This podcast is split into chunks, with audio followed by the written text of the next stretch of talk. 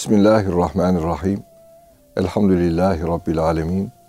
Ve salatu ve selamu ala Resulina Muhammed ve ala alihi ve sahbihi ecmain.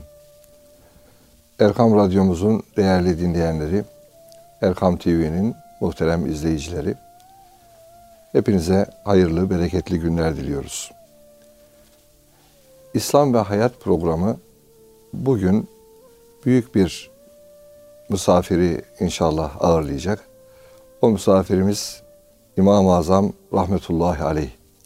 Numan bin Sabit diye ismiyle bildiğimiz peygamber mirasını, ilim mirasını önce kendi çağına, kendi vasıtasıyla da çağlara taşıyan büyük köprü insanlardan biri.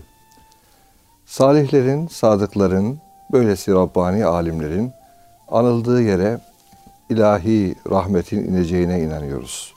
Bu sebeple İslam ve Hayat programında yolumuzu aydınlatan böylesi kandilleri de zikretmeyi, anmayı, hatırlamayı hem bir vefa borcu hem de örneklik olarak hayatımıza ışık tutsun için gündem yapıyoruz. Nurettin Yıldız hocamla zaman zaman böyle konular, zaman zaman da konuklar alıyoruz işte. Konuklar her zaman efendim misafirlerimiz her zaman dünyada zahiren yaşayan insanlar arasından değil, bir zamanlar yaşamış hem de güzel yaşamış büyüklerimizden oluşuyor. Hocam hayırlı günler diliyorum. Amin. Tekrar hoş geldiniz. İslam ve Hayat Allah programımızda hamdolsun yeniden beraberiz. Elhamdülillah. E, afiyettesiniz inşallah. Elhamdülillah. Elhamdülillah. Cenab-ı Hak size, ailenize, evladı iyi halinize sıhhat ve afiyetleri ihsan eylesin. Cemiyen. Cümlemize hayırlı hizmetler lütfeylesin inşallah. Ee, hocam bugün e, mezhep imamımız çoğunlukla özellikle ülkemizdeki insanların birçoğunun e, kendi mezhebiyle amel ettiği e, Hanefi mezhebinin kurucusu diye bilinen e, büyük imam diye e, efendim tabileri tarafından sevilen İmam-ı Azam diye sevilen o güzel insanı konuşacağız. Ee, İmam-ı Azam deyince e, hocam şöyle bir önce bir hayatından bir bahsedelim isterseniz. Sonra ilminden, irfanından, hizmetlerinden nasibimiz kadar alırız. İnşallah. Bismillahirrahmanirrahim. Önce bir kural münasip görürseniz koyalım bir insanın belli bir zamanda belli bir işe muvaffak olması mesela İmam-ı Azam Ebu Hanife rahmetullahi aleyhin hicretin birinci asrında doğup ikinci asrında bir ışık haline gelmiş olması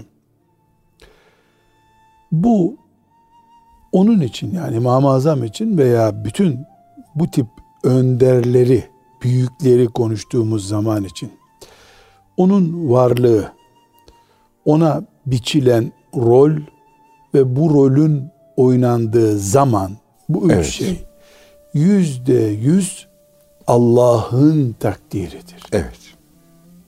Elbette hocam. Onun izni olmadan hiçbir yaprak düşmüyor tabii. İzni planı, planı takdiri takdiridir. var. Evet. Yani Ebu Hanife rahmetullahi aleyh çevresine bir baktı. Hmm, bir fıkıh medresesi kurmamız lazım dedi filan. Böyle değil bu iş. Evet. Ebu Cehil'i de lanehullah Ebu Bekir radıyallahu anh'ı da belli bir yerde o zamanda takdir buyuran Allah'tır. Kainat Allah'ın çünkü. Evet. Zaman Allah'ın. Bu bizi ne sonuca götürecek? Ebu Hanife rahmetullahi aleyh milyarların gönlünde yaşadı. Milyarların. Evet. Yani şu anda bir milyar Müslüman var. Ee, onun mezhebinde olsun veya olmasın bu milyar Müslüman en azından yani bir milyar Müslüman Ebu Hanife diye bir isim seviyor. Seviyor. 1200 senedir bu böyle. Yeni değil. Evet. Daha fazla da seviliyordu. Sevgi nesilden nesile taşınıyor. Bu bir seçme meselesidir. Evet. Halid bin Velid radıyallahu anh da böyle seçilmiş birisidir. Übey ibn Ka'b radıyallahu anh da böyle seçilmiş birisidir. İnna Allah astafa Allah seçiyor. Seçiyor. Seçiyor Allah. Bu seçmesi üzerinden yani güneşi gökte seçip insanlığın ışık ihtiyacını, enerji ihtiyacını karşılamayı planladığı gibi bir plan tecelli ettiriyor allah Evet. Teala. Dolayısıyla biz çok gayret edip okulda başarılar göstermiş, ödüller almış, e, birinci olmuş birisini konuşmuyoruz. Evet. Allah'ın muvaffak kıldığı birini konuşuyoruz. Allah'ın seçip bir rol için kendisine rol biçtiği birisini konuşuyoruz. Onun namına söylenecek başarı nedir? Seçilmişliğin kıymetini bilmesidir.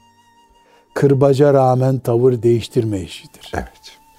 Zaman eskitmedi, eskitemedi onu. Şöhret taviz verdirtmedi. Aksine şöhret köklerini güçlendirdi.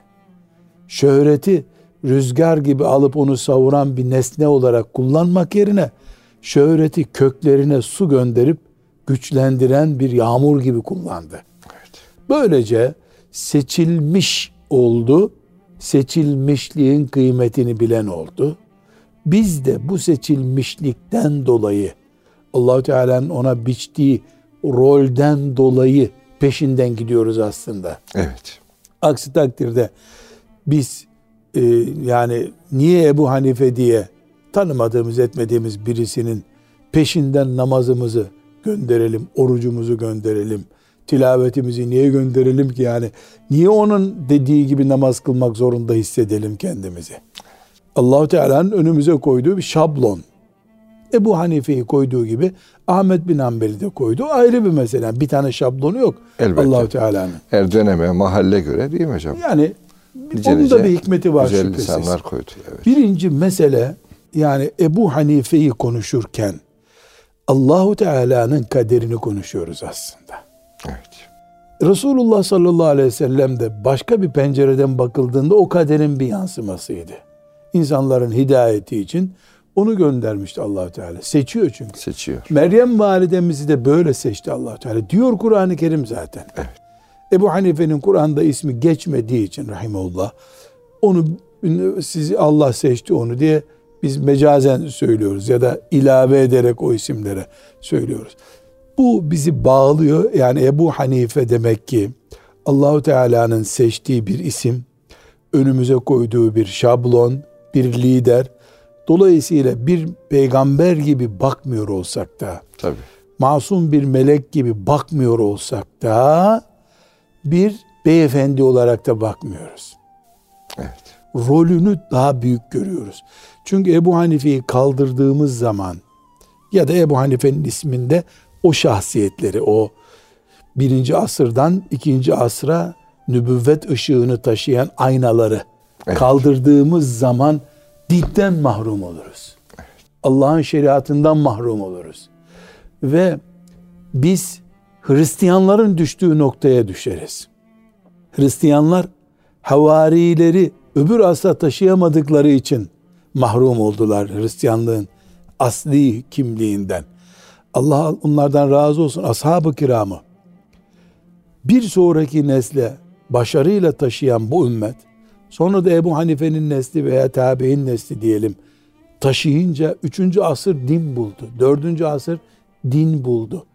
Bu asırda da bir sürü fırtınalar estirilip ulema idam edildi, şehit edildi.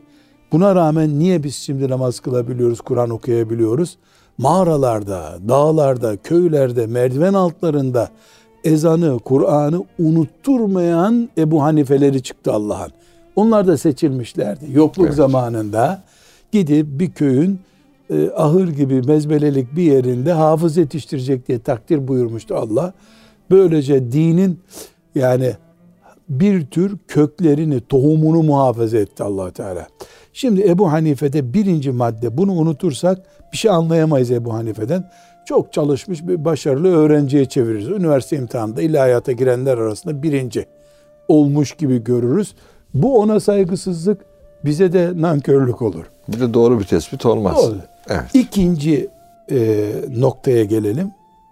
İnşallah birincisi anlaşılmıştır diye umuyoruz. Ebu Hanife rahmetullahi aleyh hicretin 80. senesinde doğdu. Evet. Bu 80. sene 110. seneye kadar sahabenin yaşadığı, Yaşadığı senedir. dönem tabii. Son sahabi Ebu Hanife rahmetullahi aleyh 30 yaşındayken vefat etti. Veya 29 buçuk diyelim. Evet. Dolayısıyla Ebu Hanife'nin doğduğu sene 10. yaşına kadar, 20. yaşına kadar, 25. yaşına kadar yüzde 300, 400 rakamı tam bilmiyoruz ama sahabinin varlık senesidir. Evet. Ebu Hanife rahmetullahi aleyh Küfe ve Bağdat hayatı yaşadı. Yani Irak civarında yaşadı. Irak civarı da sahabinin bol olduğu bir yer. Elbette ilk fetihlerin olduğu yerler Belki onlar. Medine'den fazla sahabi Irak'ta vardı. Fetihten dolayı. Tabii. Ömer bin Hattab radıyallahu anh'la beraber Irak, Küfe, Basra buralar sahabi doldu. Evet. Bir merkez haline geldi. Ebu Hanife sahabe-i kiramı görmüş bir adam mıdır sorumuza çok rahat bir şekilde evet yaşı yaşadığı yeri sahabi görmeye müsaittir. Evet. Öyleyse tabiinden birisidir. yani. Dolayısıyla tabiindendir. Evet. Ve nitekim Enes İbni Malik'le karşılaştığına dair elimizde bilgiler var. Diyelim, diyelim görmedi. Kaldı ki görmüş olma ihtimali çok yüksek. Çünkü dedesi, Ebu Hanife'nin dedesi rahmetullahi aleyhim cemiyen Ali radıyallahu anh da görüşmüş. Evet. Buna dair bilgi var elimizde. Yani dedesi Ali bin Ebi Talip radıyallahu anh'la görüştüyse torunu haydi hay Enes İbni Malik'le görüşme ihtimali var. Var tabii. Binaenaleyh Ebu Hanife'yi konuşurken biz dediğim gibi üniversite imtihanında çok başarılı bir talebeyi konuşmuyoruz. Kitaplar yazmış bir alim konuşmuyoruz. Ümmeti Muhammed'in aleyhissalatü vesselam ikinci mübarek neslinden bir adam konuşuyoruz. Evet. Bu da hadisi şerifle sabit hayrul kurun da Evet. iki numara. Evet. Sahabi değil. Mümkün değil sahabi olması. Dolayısıyla hiçbir zaman Halid İbni Velid'le Abdullah İbni Mes'ud ile radıyallahu anhum kıyas edilemez. Edilemez. Onların muadili değil. Ama en azından yüzde elli ihtimal ikinci tabakadan. Bu da tek başına bir şeref. Tabii. Başka hiç ilme falan gerek yok. İçtihada gerek yok. Ee, eğer diyelim ki Enes İbni Malik radıyallahu anh veya benzeri bir sahabiyle buluşamadı. Tebe'ut tabi'inden olduğundan yani üçüncü mübarek nesil. Evet. Bu Efendimiz ne buyuruyor sallallahu aleyhi ve sellem? En iyiler benim zamanım sahabe. Sonra sonrakiler sonra, Sonra, sonrakiler. evet. Gerisi ya nasip. Gerisi ne zaman rastlarsa. Evet. Bu üç neslin yani Resulullah sallallahu aleyhi ve sellem'den övgü alan üç neslin üçüncüsü. Evet. Bunda bir tereddüt yok. Elbette. Bunda bir tereddüt yok. Dolayısıyla hangi okul mezunu Ebu Hanife sorduğumuzda Resulullah sallallahu aleyhi ve sellemin mektebinin talebelerinin talebesi. Evet. Daha biraz daha garanti olsun. Peygamber sallallahu aleyhi ve sellemin talebesinin talebesinin talebesi. Evet. Bitti. Bitti. Binaenaleyh Daha ileri gitmez. daha ileri götürmemiz için tarihi alt üst etmemiz Evet. lazım. Tarihte depremler yapmamız lazım. Biz ne ona bir peygamberlik izafe etmek istiyoruz, meleklik Tabii. izafe etmek istiyoruz. izafe etmek. E ne de istiyor. hakkını yiyeceğiz. Yani bunları niye konuşuyoruz peki? Ebu Hanife rahmetullahi aleyh şu sözü söyledi dediğimiz zaman bir akademisyen, bir hoca, bir alim sözü değil bu. Evet. Çağı Peygamber sallallahu aleyhi ve sellem'den övgü almış, teminat almış bir insanın sözünü konuşuyoruz. Binaenaleyh bugün biz velev Kur'an menşeli, hadis menşeli yani hadisten Kur'an'dan öğrendiklerimizden kaynaklanan büyük bir iştihat yapıp din sözü söylesek bile asla Ebu Hanife'ninkine muadil olmayacak. Amel ettik etmedik başka bir mesele. Tabii. Önce onun şahsiyetini bir yere oturtmamız lazım. Yani benim sarığım kocaman oldu diyelim. Sakallarım da uzadı. Cübbe üstüne cübbe giydim. Şalvarlarım var. İşte şu cami, üniversiteyi bitirdim. Bu camide ders aldım. 40 tane icazetim var. Geldim ki ben burada sizin önünüzde otururken bir allame oğlu allame oldum diyelim. Ebu Hanife ile kıyasım mümkün değil. Evet. Niye kıyasım mümkün değil? Ya Ebu Hanife'nin çağı bir defa Enes İbni Malik'in elini öpmüş bir çağ. Evet. Bitti. O değilse de Enes'in elini öpenin elini öpmüş. Evet. O Allah diyor ki Celle Celaluhu bu dinin filan konudaki emri şudur dediği zaman Ebu Hanife bunu asla bir tezi yazıp takdir almak için medyada bir açıklama yapmış olmak için söylemez. Söylemesi mümkün değil. Evet. Ebu Hanife çok tenkit edildi emsalleri tarafından. Cahil Cüela'nın gevezeliğine itibar etmiyoruz biz. Ebu Hanife gibi İmam Malik mesela Ebu Hanife'ye muadil bir isim. Evet. Onun çağından değil ama Tabii. Ebu Hanife'den sonra geldi. Onun için bunu söyleyemiyoruz. Enes bin Malik'i gördü diyemiyoruz. Abdullah İbni Ömer'in görenin görenini gördü. Yani Ebu Malik'le arasında bir fark var. Ama Ebu Hanife'yi bir alimin bir alemi tenkit edeceği şekilde tenkit etti. Evet. Hiç kimse, hiç kimse ama ne İmam Malik ne ondan sonra gelenler yani o, o büyük kadro Ebu Hanife'yi ya bu, bu sözü herhalde tezini e, doldurmak için, sayfa doldurmak için kes yapıştırla söylemek için söyledi diye itham etmedi. Elbette. Hiç kimse ona dışarıdan ithal bir adamsın demedi. Evet. Asla demedi. Ebu Hanife rahmetullahi aleyhi şahsı asla tenkit edilmedi. Evet. İhlası. Ahlakı, ihlası, Ahlakından önce ihlası, yani ihlası, evet. en yanlış dediği söz mesela iman artar mı eksilir mi diye ondan önceki bütün ulemaya itirazı var. Yani yapmayın böyle bu böyle. İmanla ilgili meselelerde konuştu mesela. Sen Bizans'ın içimize soktuğu birisin.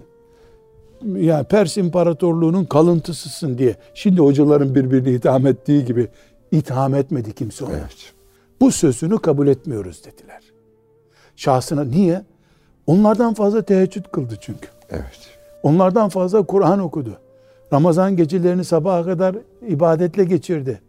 E, Kabe'nin dibinden ayrılmadı. İşte 30 defa hac yaptığı söyleniyor mesela. Evet. Yani abid, zahid ve alim olunca Alim, tabii. kimse onun e, niyetiyle ilgili bir kelime dahi söylemedi. Şahsiyetine dair bir böyle bir Asla çiz- çizik almadı yani hiç. Ne çiziği? Gölge bile almadı. Gölge bile almadı. Bunu ağzından çıkaran olmadı. Olmadı. Evet. Ama bu sözünü kabul etmiyoruz. Ya o da tabii bir şey tabii diyebilir Bu insanlar. onu büyüttü. Çağlar geldi geçti.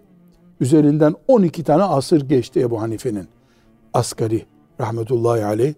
Bu çağlarda e, bir kenara atalım bu görüşün Ebu Hanife'nin denmedi. Sıkıştıkça bütün fukaha bunu bir bakalım Ebu Hanife ne demişti deyip şifre olarak onu kullandılar. Gene bildiklerini yaptılar. Evet. Neden?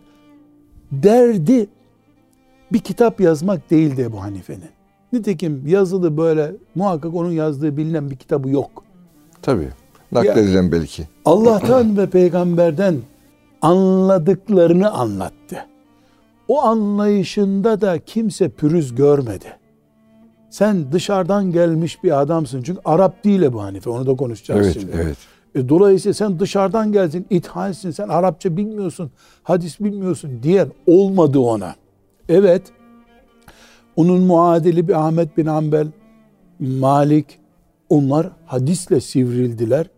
Ebu Hanife bildiği halde o hadisleri hadiste sivrilmedi. Çünkü hadiste sivrilmesine gerek bırakmayacak eylemler yaptı.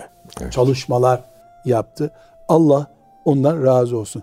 Dolayısıyla Ebu Hanife'nin zamanını konuştuğumuzda biz şurada açılmış bir medresenin talebesi demiyoruz. Şuradaki sahabinin talebesi diyoruz. Evet. Büyük fark. Yani İmam Gazali için veya onun talebeleri için Nizamül Mülk'ün medreselerinin adamı diyoruz. E, Nizamül Mülk de Selçuklularda bir adam işte. Faziletini konuşmuyorum.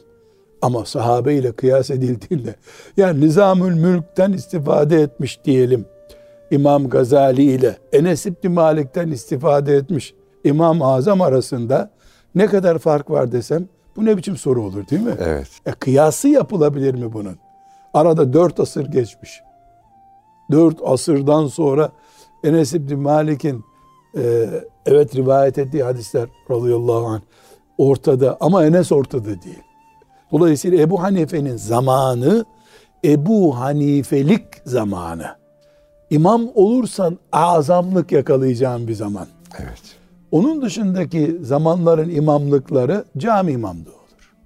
Medrese Şimdi imamlığı. bazen imam deyince çoğu zaman cami imamı hatıra geliveriyor hocam. Keşke gelse. Keşke gelse.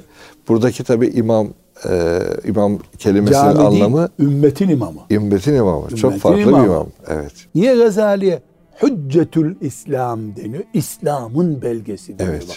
Evet. İslam'ın Gazali. Hüccetül İslam İmam El Gazali Et-Tusi deniyor. Niye? İslam onu kendisinin rehberi gibi koydu ortaya. Yani sanki İslam adına çıkmış gibi. Tamam cami imamının vasfı da bir vasıf. Evet. Ama beş kişi namaz geliyor, 20 kişi e, namaza geliyor. Onların namazını kıldırıyor, gidiyor cenazelerini kıldırıyor. Evet. Bu da bir imam, adı imamlık bu. Hocam yıllar önce hatırlıyorum biz lise yıllarında e, İmam Hatip Lisesi'nde son sınıfa doğru bir arkadaşımız tahtaya bir isim yazdı. Numan bin Sabit kimdir diye. E, bilen çok az çıktı. Bilemez. Numan bin Sabit Babasının kimdir? ona verdiği isim Evet. unutuldu. Ümmetin verdiği isim, isim kaldı. kaldı. Evet, evet. Evet. Yine hatırla şey yapalım. İşte Numan bin Sabit ismi değil mi hocam? Babasının Babasının adı- ona verdiği isim. babasının adı Ama- Sabit, Evet. e, kendi adı da Numan. Yani babası ona Numan adını verdi. Hatta ilim dünyasında bile konuşulurken daha çok Ebu Hanife diye konuşuluyor diyelim. İmam-ı Azam diye konuşuluyor. Ebu Hanife de künyesi. Künyesi. Burada hani Ebu Hanife hani az çok belki dinleyenlerimizin içinde tabi e, Arapçası olanlar da çok. E, bir Hanife adında bir kızı vardı. Onun babası anlamında bir lakap değil. Değil. Değil mi hocam? Öyle bir kızı bilinmiyor zaten. Evet. Ebu Hanife e, niye böyle bir Ebu Hanife denilmiş hocam? Şimdi bir defa künye kişinin şöhretini sevdiği bir şeyden almasına dayalıdır. Genelde Evet. Araplarda ilk erkek çocuğuyla anılmak isterler. Evet. isterler. Yani e, ilk erkek çocuğu onun şöhreti olsun istenir. Erkek çocuğa olan e, sempatiden kaynaklıdır. Ebu Hanife'de haniflik kavramı şahsiyet olunca yani Ne demek haniflik kavramı? yani hiçbir şekilde sağa sola kaymadan, Kaymadan. yaşayan Müslüman Başka. demek. Dürüst. Yani- İtikatta dürüst, amelde dürüst. İbrahim'e Hanif. Hanife. Evet. İbrahim Aleyhisselam'ın dini ne dinidir? Hanif dinidir. Evet, evet. Efendimiz sallallahu aleyhi ve sellemin hanımı anamız Hadice'nin amcası Varaka'nın dini neydi? Hanif dini. Yani bizim gibi namaz kılamıyorsa bile sağa sola kaymışlığı, putluğu yoktu. Ayak kaymaları, putlar yok, şirk yok. Haniflik. Evet. Ebu Hanife'nin şahsiyetine oturtulmuş bir kavram bu evet, rahmetullahi evet. aleyh. Ama biz Türkiye'de İmam-ı Azam diyoruz. Evet, Türkiye'de Yani Ebu İmam Hanife'yi Azam. de sildik biz. Doğru. İmam-ı Azam. Çünkü yani o hak ediyor bunu. Evet. Fakat mesela Mısır'da İmam-ı Azam denmiyor da Ebu Hanife deniyor. Hanife deniyor. Ebu Hanife olarak biliniyor. Ee, biz desek de demesek de Allah ne diyorsa o mühim zaten. Melekler nasıl kaydettiyse o mühim. Bir mesele daha var. Hocam isterseniz o bir meseleyle başlayalım bir sonraki arada. İnşallah kısa bir ara verelim efendim. Aziz dostlarımız, değerli kardeşlerimiz, İmam-ı Azam Efendimiz'i konuşuyoruz rahmetullahi aleyh. Birinci bölümde tam hocam sonuna doğru bir mesele daha var diyerek bitirmişti. Şimdi hocam onu, o mesele neydi? O mesele şuydu. İmam-ı Azam Kureyş'ten değil. Yani evet Arap Arap, değil. değil. Arap değil. Bırak Değil. Kureyş'i. Evet. Ama İmam Şafii Kureyş'ten. Evet. Efendimiz sallallahu aleyhi ve sellemle akrabalığı uzak uzakta olsa var. Yani Kureyş bir kabilenin Tabii. adı çünkü. İmam-ı Azam Orta Asya'dan Irak'a gelen bir ailenin çocuğu. Evet. Bu ne demek? Arapçayı sonradan öğrenmiş. Evet. doğduğunda anasının anası Arapça konuşmuyordu. Konuşmuyor. Doğru. Evet, dedesi Müslüman. Dedesinin dedesiyle ilgili bilgi yok. Ama dedesi Müslüman. Ali radıyallahu anh da görüştü diyoruz ya. Evet. E, Müslüman olarak görüştü. Dolayısıyla İmam Malik de mesela e, Arap kökenli. Ahmet bin Hanbel Arap Öyle. kökenli. İmamlar arasında İbn Hazm ve Ebu Hanife rahimehumullahu cemiyen Arap değiller. Bu benim içimde müthiş bir e, takdir konusudur. Hepimiz neden? Ya biz analarımız Arap olmasa da Allah'ın kitabını İmam Malik kadar anlayan Ebu Hanife olabiliriz. Olabiliriz. Bir umut bizim için. Tabii. İmam Buhari de öyle değil mi hocam? E, o Daha- dört imamı Tabii, tabii, konuşuyoruz. tabii, tabii. Hadis imamlarının büyük, Büyük bölümü çoğunluğu, Arap tabii. değil zaten. Tabii. Büyük bölümü Arap değil. Çünkü Arap olmadan İslam'a girenlerin heyecanı o fetihlerden sonraki Araplardan daha fazla oldu. Daha fazla oldu tabii. Bilhassa Emevilerin son zamanlarında fetihler büyüdü. Abbasilerin o ilk saltanat yıllarında Arapların çocukları hazır İslamiyet'ten ezan okudular. Yeni Müslüman olanlar çocuklarını kurban ettiler ilme. Nesailer öyle çıktı, Ebu Davudlar öyle çıktı, Muha, Buhariler, Müslimler öyle çıktılar.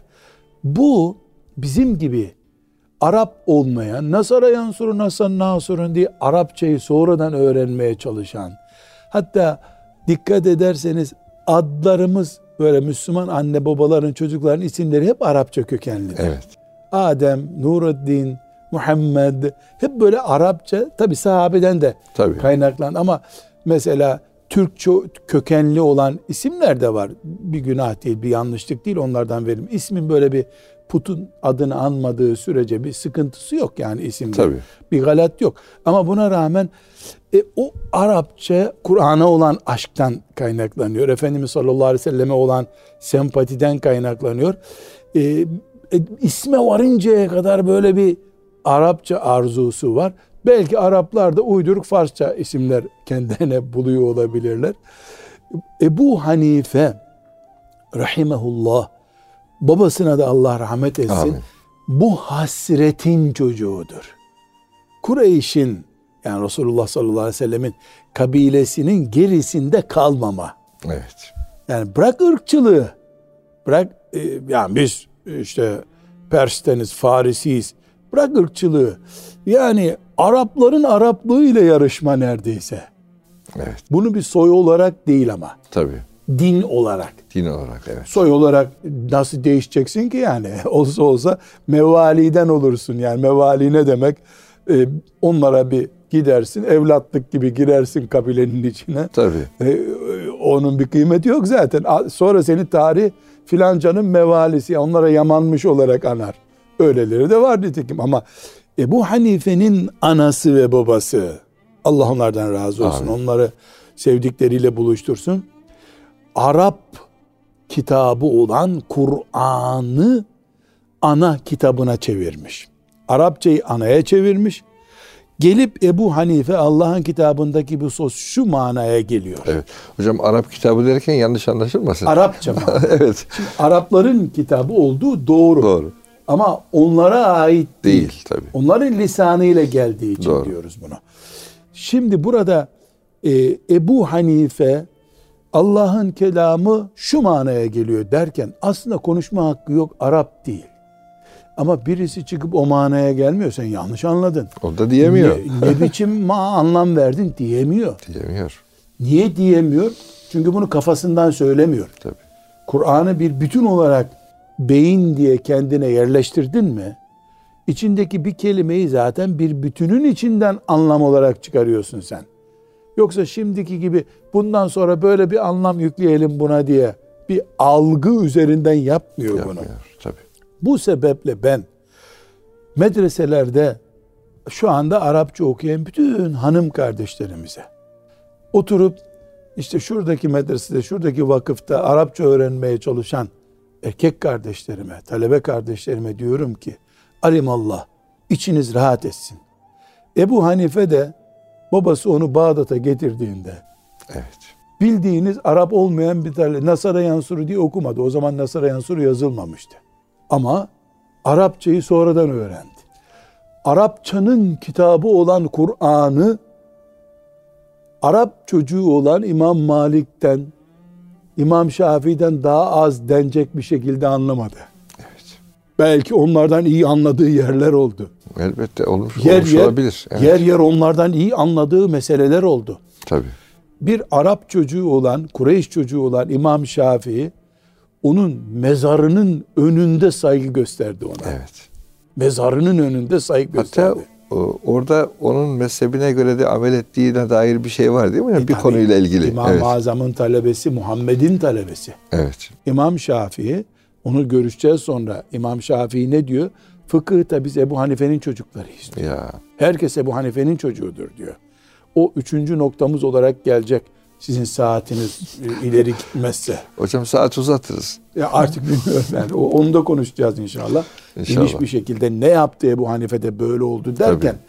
fıkıhta yaptığı şeyler önemli. Burada bizim Ebu Hanife'den namazı öğrendik. Rabbim kabul etsin. Fıkıh öğrendik. Fakat öğrendiğimiz çok daha güzel bir şey var.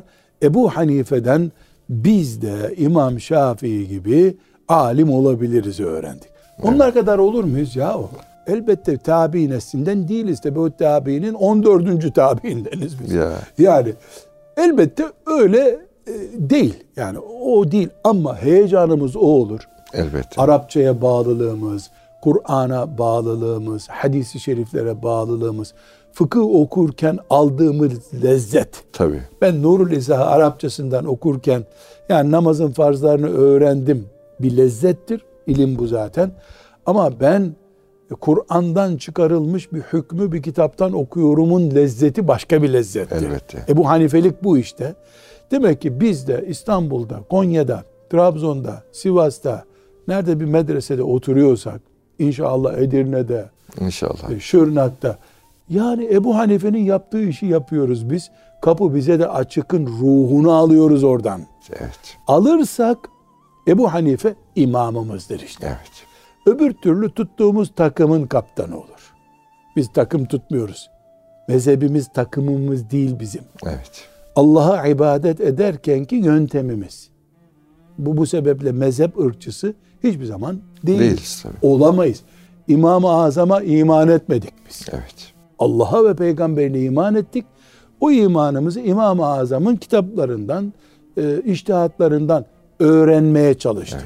Hocam e, İmam-ı Azam'ın hayatına baktığımız zaman onun aileden gelen bir ticari bir durumu var değil mi? Kendisi ticaretin O içinde da bir insan. konuşacağımız Tabii. meselelerden biri. Yani gerçekten e, şöyle ifade edelim. Hazret sürekli hani birilerinin ianesiyle, yardımıyla okumuş bir insan değil. Veren bir imam bir de. Bırak sen başkasından burs almayı, burs vermiş. Burs vermiş. Ne kadar isabetli bir nakildir bilmiyorum. Menkıbe olunca hadis Tabii. değil tabi bu. Mesela Ebu Yusuf bir hamamda çalışırmış. Talebesi Ebu Yusuf. Talebesi o. Bizim de asıl Ebu Hanife'den fazla adını andığımız Ebu Yusuf. Evet, evet. Kadır Kudat mesela Harun Reşid'in Kadır Kudat'ı. Ebu Hanife'nin yavrum niye orada sen meşgul oluyorsun? İşte anneme bakmak zorundayım gibi mazeret üzerine. Biz annene de sana da bakarız gel deyip onu alıp okutup e, ona maaş bağlaması, bir kese altın vermesi, her sene bunu vermesi Ebu Yusuf gibi bir ismi ortaya çıkardı. Ya. Şimdi ne yazık ki biz e, tabii ki ben kendimi de örnek veriyorum. Hocalar olarak bir türlü veren hoca olma vasfı kazanamadık. Ya ticarete bulaşınca ilmimiz berbat oldu. Ya ticaret yapmadığımız için sadece maaşla geçindiğimiz için yani sadaka almıyoruz o kadar oldu. Ebu Hanife rahmetullahi aleyh okuttuğunun masraflarını da veren bir alim. Bir hoca diyelim hadi. Bir hoca yani. Bu ona bir fark Yani getirdi. tabii. kendini de çoğaltan bir isim hocam değil mi? Kendini çoğaltan bir isim. Güneş olursan böyle oluyor. Petrol dökerek ışık vermiyorsun. Evet. Yani ışığın hem ışık hem de hiç azalmıyor. Yani güneşin ayla farkı ne? Kendi ışığını e, yansıtmakla güneşten aldığını yansıtmak arasındaki Hocam fark o- gibi. onun hakikaten talebeyle ilişkisi, talebe yetiştirmesini ayrı konuşalım. Ayrı bir madde olarak da konuşalım. E, fakat yani o zatın bu bir başka meşgalenin içindeyken e, ilme yönelip e, gerçekten orada derinleşmesi de apayrı bir şey. 22 yaşı diyor. Yani mesela bazı baktığımız zaman araştırmacılar o 22 yaşından en erken sonra 17'ye kadar iniyor. evet Yani 17 yaşında Kur'an kursuna gitmiş diyelim. evet 17 yaşında Kur'an Demek ki kursuna. hani e, ya küçükken başlamak bu işe doğru. 4 yaşında başla, 5 yaşında başla, 9 yaşında başla. Ama 17'sinde de başlayabilirsin. Fakat hocam şunu ayıralım. Yani bugün 17 yaşındaki bir çocukla, gençle Ebu Hanife'nin 17 yaşındaki zamanı arasında fark var. Ya binlerce sahabinin yaşadığı bir Bağdat'ta, Küfe'de, Evet. Basra'da korkarım bizdeki ilahiyat seviyesini 3-4 defa katlayacak kadar bilgi vardı onda zaten. Dükkanı bırakıp rahlenin başına oturduğu tarih o Evet, tarih. evet, evet. Bu önemli bir nokta. Allah rahmet etsin Ebu Gütte hocama, Abdülfettah Ebu Gütte hocama, Ebu Hanife'nin 20. asırdaki e, şekliydi o. Kaç yaşında başladınız dediğimde 17 yaşında dedi. O da babasının dükkanında çalışıyormuş. Benziyormuş mübareğin hayatı. Çok enteresan. Ee, ben onu da hafız mısın diye sorduğumda e, Nurettin ben 17 yaşında ilme döndüm dedi. 17 yaşına kadar babamın dükkanında çalışıyordum. Ee, Ebu Hanife'ye de Şabi isimli e, tabi sen niye ilim öğrenmiyorsun diye başlamış. Ona da mahallesindeki bir imam babasına demiş ki bu Abdülfettah'a niye ilme adamıyorsun? Çok akıllı bir çocuğa benziyor demiş. O muhaddis öyle çıkmış ortaya. Allah Allah. 17 yaşında böyle. Ben hafız değilim dedi. O yaştan sonra hafızlık yapamadım dedi ama ara sıra böyle ayetler konuşmak gerekiyordu. O tamamlıyordu ayeti. Bazen ben zor buluyordum. Bir gün fırsat olur hocam inşallah Abdülfettah hocamızla bir misafir İnşallah. ederiz buraya. Ne bereket Ee, olur. ne bereket olur. Ee, evet. Yani hocam şimdi İmam-ı Azam Efendimizin yaşadığı dönemi itibariyle de hakikaten bir takım karışıklıklar var. Hem de ne karışıklıklar var değil mi? Mesela Emevilerin son dönemi. işte Abbasilere geçi, geçiş dönemi. Orada Onu bir müstakil bir bölüm yapsak daha iyi olur hocam. Evet. Ebu Hanife'nin rahmetullahi aleyh iki yönünü ben başlık olarak öne çıkaralım diyor. Birincisi yani o dönemde Ebu Hanife niye fıkhın başı oldu ki fıkıh yok muydu? Evet. Bir bu. İki, dönem Ebu Hanife doğduğunda e, Hüseyin radıyallahu anh'ın şehadeti henüz bırak unutulmayı. Kanı soğumamıştı henüz. Evet. Evet. Emevilerin çalkantılı yılları dolayısıyla çok ciddi bir e, siyaset dönemi o dönem. Ebu Hanife bu siyasetten tamamen uzak medresesinde talebeleriyle baş başa tarhana çorbası mı yedi? Siyasetle uğraştı mı? Ne yaptı? Emevici miydi? Abbasici miydi? Emeviler bunu niye sürmek istediler? Abbasiler niye sürmek istediler? Niye hapse attılar? Niye hapse attılar? Bunlar çok önemli bir konular. Evet. Bunları önemli. o zaman bir Bunları sonraki müstakil bölümde bir konu olarak bir bırakalım sonraki diyorum. bölümde Çünkü ben inşallah konuşalım. güvenmiyorum hocam. Doğru. Tam Bunlara başlarız. girersek çıkamayız. o zaman şundan bahsedelim hocam. İmam-ı Azam Efendimiz'e nispet edilen tabi o dönemde hani ilimler falan da böyle hadis ilmi, fıkıh ilmi, akaid ilmi, kelam ilmi gibi çok da belirgin bir şekilde ayrılmamıştı Yok, Kur'an var, sünnet var. Kur'an var, sünnet var. E, mesela El Fıkhul Ekber diye e, hocam akaide dair Hazret'in bir risalesi Küçük bir risale. Küçük bir risalesi. Ama demek ki biz fıkıh dediğimiz zaman işte fıkıh mezheplerinde bir imam dediğimiz zaman e, onu diğer alanlarda zayıf gibi görmemek lazım. E, ilim nedir bilmediğimiz için bunu söylüyoruz. Evet. Yani İmam-ı Azam rahmetullahi aleyh fakih. Bunu kabul ettik hadis bilmiyor diyelim. Ahmet bin Hanbel muhaddis. O da fıkıh bilmiyor, abdest almayı bilmiyor muydu diyeceğiz. Değil mi yani? Yani böyle mi diyeceğiz şimdi? Ahmet bin Hanbel hadis almayı bilmiyor muydu? Abdest nasıl, oruç nasıl tutulur bilmiyor muydu diyeceğiz. Hayır efendim. Ebu Bekir radıyallahu anh sıddık. Ömer vefasız mı? Sıddık değil mi? O da Nankör mü Ömer? Haşa. Hayır efendim. Yani hepsinin belli özelliği var. Bazı özellikleri daha öne çıkmış. Bir özelliği Allah'ın kaderiyle öne çıkarmış Evet, onu. evet. Yoksa o onda yok manasında değil. Yani herkesin gözü var, kulağı var, dili var. E bir kısmımızın gözü gözlüksüz de görüyor. Bir kısmınınki gözlükle biraz görüyor. Öbürünün kulağı güçlü ama. Evet. Ben ama kardeşlerimizi gördüm. Hocam vardı Kübeysi diye. Allah rahmet eylesin İstanbul'da vefat etti. Anadan doğma ama birisi. Böyle para alıp verirken çıkarıyordu cebinden kağıt paraları. Demir parayı ben de anlarım görmesem de. Kağıt paranın rakamlarının yazdığı 100, 200 Evet. yazan yere tutuyordu. 100, 120 diye veriyordu. Demek ki ne kadar hassasiyet Ha, kesbetmiş. Evet. Gözü yok, parmak hassasiyeti var. evet. E, Allahu Teala bir kapı kapatmış, öbür kapıyı açmış ona. Yani Ebu Bekir radıyallahu anh'ta sıddıklık var. Ali'de yok mu yani? Sadık değil mi Ali Efendimiz sallallahu aleyhi ve selleme? Bunu dese birisi. Cahil oldu, cahil deriz ona. Evet. Ha, E peki Ali şecaatli. E, e, hilafete geldiği gün hani Ali radıyallahu anh da şecaatli, kahraman, yiğit, kılıçtan korkmaz. Kalenin kapısını kale, kalkan gibi kendisine alır. Bunlara hiç itiraz öyle zaten. Evet. Güneşi yok mu diyeceksin öyle. Peki e, halife olduğu gün 20 ay içerisinde 14 savaş kararı veren Ebu Bekir korkak mı? Denebilir mi bu? Medine'de tek başıma kurtlarla kalırım. Ama kafirlerin sesini çıkarttırmam bu diyarda. Ben mi dedim? Ebu Bekir dedi. Yani sıddık olması başka bir özelliği olmadığı anlamına gelmiyor. Ebu Hanife rahmetullahi aleyh fakih, Evet. fıkhın imamı. E, zavallı Kur'an okuyamazdı mı diyeceğiz. Niye böyle deniyor biliyor musunuz hocam? Şimdi birisi fizikte doktora yapıyor. Doğru. Ondan sonra kimyadan soru soruyorsun. Valla ben anlamam kimya nasıl bir şey. Fizikle uğraştık diyor. Ya nasıl anlamazsın? Anadolu'da herkes anlıyor. Silikon nedir? Sen niye anlamıyorsun? E, şimdi böyle bir mantıkla yetiştiğimiz Doğru, için doğru. biz İhtisas bakıyoruz hep.